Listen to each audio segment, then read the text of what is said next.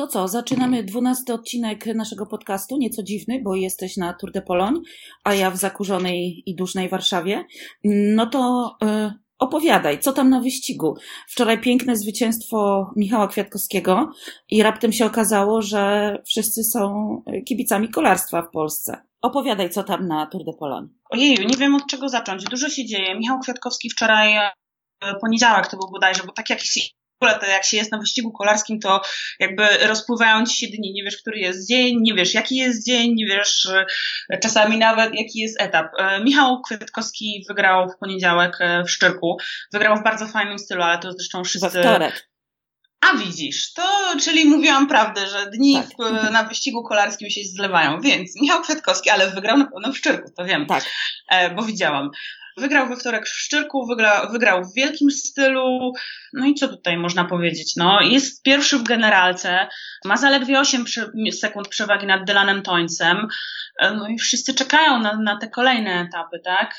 Raczej zanosi się na to, że, że Sky będzie chciało dowieść to zwycięstwo Kwiatkowskiego podczas konferencji piątkowej, e, która poprzedzała Tour de Pologne, my żeśmy zadawali, mieliśmy okazję porozmawiać z Michałem i zadawaliśmy mu masę pytań, a ponieważ Michał miał bardzo taki przyjemny nastrój, to ja sobie pozwoliłam e, na takie pytanie z takim drobnym sucharem, ponieważ jak wiemy Froome odczarował Giro dla Sky, e, Geraint Thomas na Tour de France odczarował swojego pecha, więc zapytałam się Michała, czy teraz po prostu pójdzie za ciosem i czy odczaruje dla siebie to Tour de Pologne.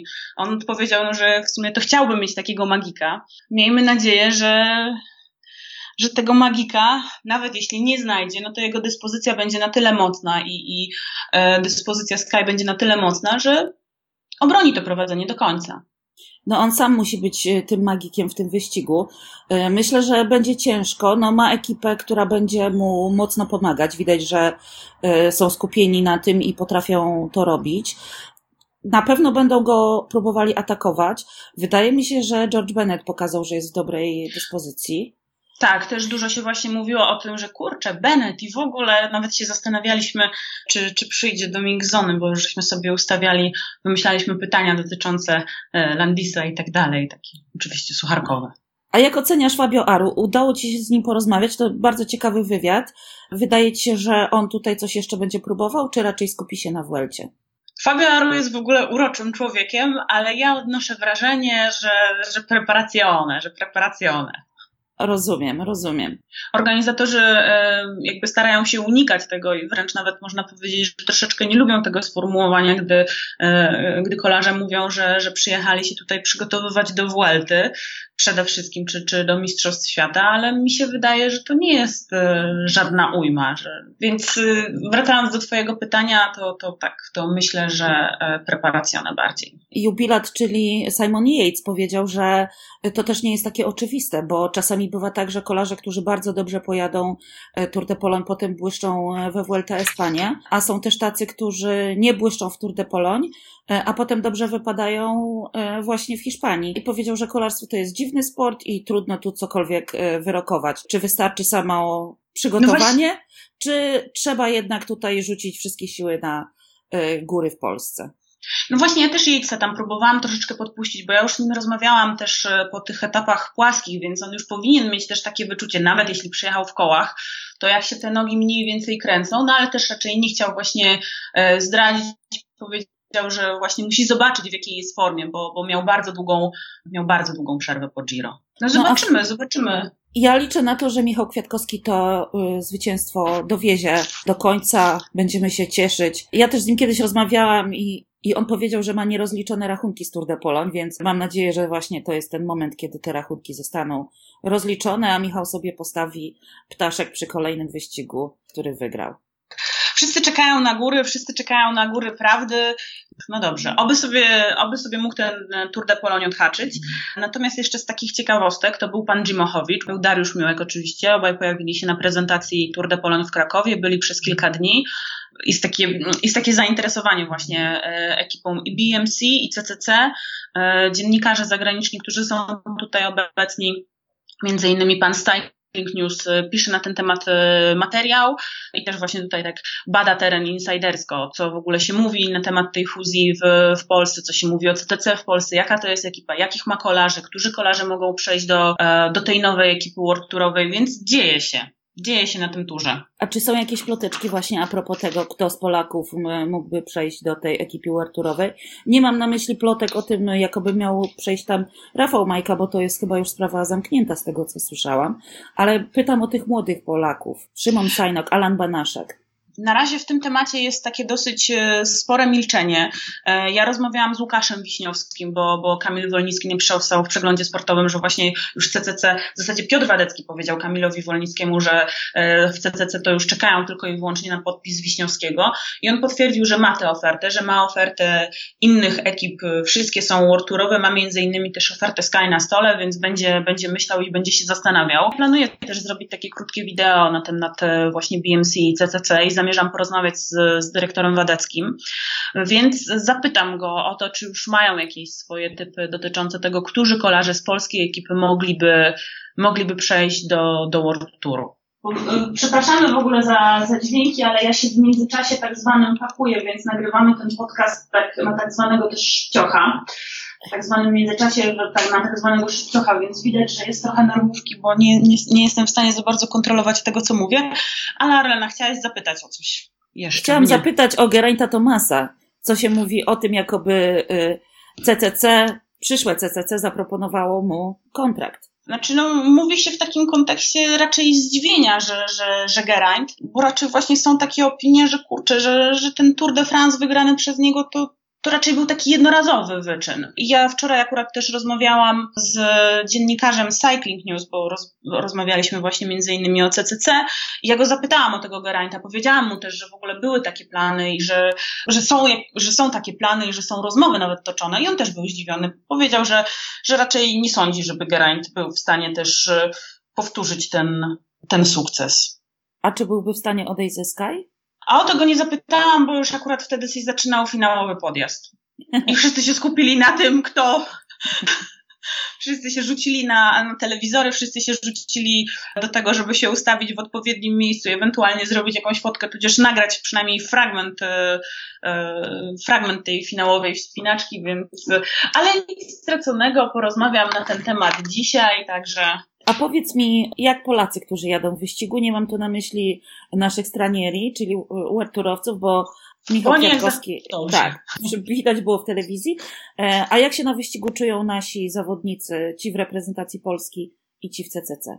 No, co ja mogę tutaj powiedzieć? No chyba najlepiej po prostu spojrzeć sobie na klasyfikację generalną czy na klasyfikacje etapowe i, i zobaczyć. No, starają się pokazywać rzeczywiście, starają się walczyć, bo są w odjazdach, są widoczni Także taki, taki był zamysł.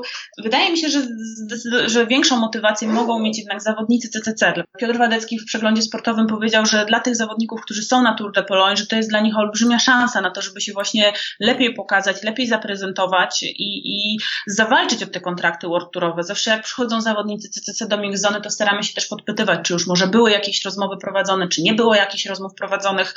E, no i mówią, że jeszcze jeszcze na razie cichosza, nie, że nie było żadnych e, rozmów prowadzonych z nimi. Widać też, że, że mają motywację. A ci młodsi, którzy zostali, nie zostali zabrani na Tour de Pologne, ale są obecnie w Glasgow i będą walczyć e, w Mistrzostwach Europy jako reprezentacja Polski, mam na myśli e, właśnie Banaszka, Sajnoka. Czy dla nich te Mistrzostwa Europy też mogą być tego rodzaju szansą? Jak myślisz?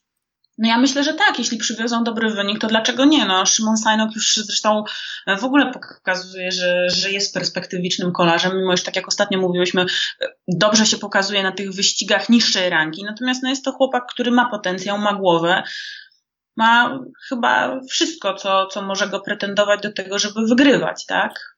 I jestem bardzo no ciekawa, jest... tak? E, no i mówi się przecież, że to jest taka nadzieja tego polskiego sprinterstwa, tak? Że, że może w końcu będzie ten sprinter taki typowy. Tak, ja jestem bardzo ciekawa, jak wypadnie, reprezentacja Polski w Glasgow, zwłaszcza, że jest taki moim zdaniem bardzo fajny skład, to znaczy z jednej strony jest ta młodzież e, Sajnok e, Banaszek, a z drugiej strony kapitanem tej reprezentacji będzie Michał Gołaś, e, który pewnie zaraz po Tour de Pologne wsiada w samolot i leci do Glasgow. Bardzo się cieszę, że on się zgodził na to, bo, bo tej drużynie będzie potrzebny taki kapitan. W kontekście CCC jeszcze tego World mówiło się o Jakubie Mareczko. Natomiast ja pamiętam, że miałam okazję porozmawiać z Kubą w Turcji, jak on jechał Tour Antalya i z tej rozmowy wydaje mi się, że, że chyba jemu jest dobrze tam, gdzie jest. W sensie, że on chyba woli wygrywać wyścigi niższej rangi, niż być któryś na, na wyścigach World Tourowych, ale zobaczymy, no. Takie trochę mało ambitne, no ale każdy ma swoje cele, swoje plany. E, a powiedz mi, co się mówiło o wyczynie Pascala Ackermana w Katowicach, bo to było takie jedno z kilku wow na tym wyścigu. No poszedł po prostu jak. No jakby poszedł jakby motorek odpalił. Tak. No. Dużo osób kwestionowało tę jego, tę, tę, tę jego prędkość powyżej 100 km na godzinę. Natomiast mówi się o tym, że to jest realne czy nierealne. Rozmawiałaś z kolarzami, którzy w tym sprincie uczestniczyli. Tak, no ja rozmawiałam z koleżami, którzy uczestniczyli w tym sprincie. Oni twierdzą, że to jest realne. Jakby ja się osobiście nie wgłębiałam jeszcze aż tak bardzo w te analizy i, i tak dalej. Natomiast no, oni twierdzą, że jest realne. Bo oni sami mieli około 85 km na godzinę, tak? Ty, ci kolarze, których Ackerman w tym dzikim pędzie mijał, więc... E, ważne jest to, że Ackerman jakby nie miał tej prędkości na kresce, tylko gdzieś tam w pewnym momencie na, na zjeździe. Ja mam takie wrażenie, że on tę prędkość miał w momencie, kiedy właśnie poszedł tym takim slalomem i wymijał tych y, kolarzy, którzy byli wówczas z przodu. I jeżeli y, byli tam kolarze, którzy mieli powyżej 80, a on ich minął jak rakieta, to tam mógł tę prędkość wygenerować. To bardzo prawdopodobne, że mógł gdzieś to tam mu się mogło to, że mogło mu się to po prostu wykręcić. Nawet powątpiewający we wszystko Marek Tyniec wyliczył, że w ciągu tych 20 sekund y, sprintu on miał prędkość średnią 87 na godzinę. Jeśli e, nawet wątpiący we wszystko pan Marek Tyniec, z którym niestety nie udało mi się zobaczyć, bo bardzo chciałam się zobaczyć w Krakowie i po prostu ścisnąć w dłoń. E, jeśli nawet powątpiewający we wszystko właśnie pan Marek Tyniec e, jednak przestaje w to wątpić, to, to ja mu wierzę. Niestety mam złą wiadomość, bo muszę się już zbierać. Dobrze. Chciałam się jeszcze ciebie zapytać, czy widziałaś tą straszną kraksę na Klasika San Sebastian? Nie, nie widziałam. Miałam ją zobaczyć i nawet żeśmy tutaj o tym rozmawiali, o konsekwencjach tej kraksy, ale e, nie byłam w stanie. Nagrywam masę materiałów po prostu. Y, ale tak. dzisiaj może w drodze do, na start. Ta kraksa była straszna, a dlaczego o tym mówię? Bo powstała przez gapiostwo jednego z kolarzy. Jednego z kolarzy. Tak, i chciałam powiedzieć, że życzę wszystkim, żeby się tutaj nic nie wydarzyło, bo też te zjazdy na kolejnych etapach mogą być niebezpieczne. Choć trzymajmy na razie jest. Tak, trzymajmy kciuki, na razie zapowiada się raczej upał niż deszcz. Dokładnie. No i słyszymy się pewnie po wyścigu. Słyszymy się po wyścigu już na spokojnie. Ja będę mogła sobie usiąść, wziąć kieliszek wina, tak jak zawsze, i zebrać swoje myśli. To do usłyszenia. Do usłyszenia i powodzenia.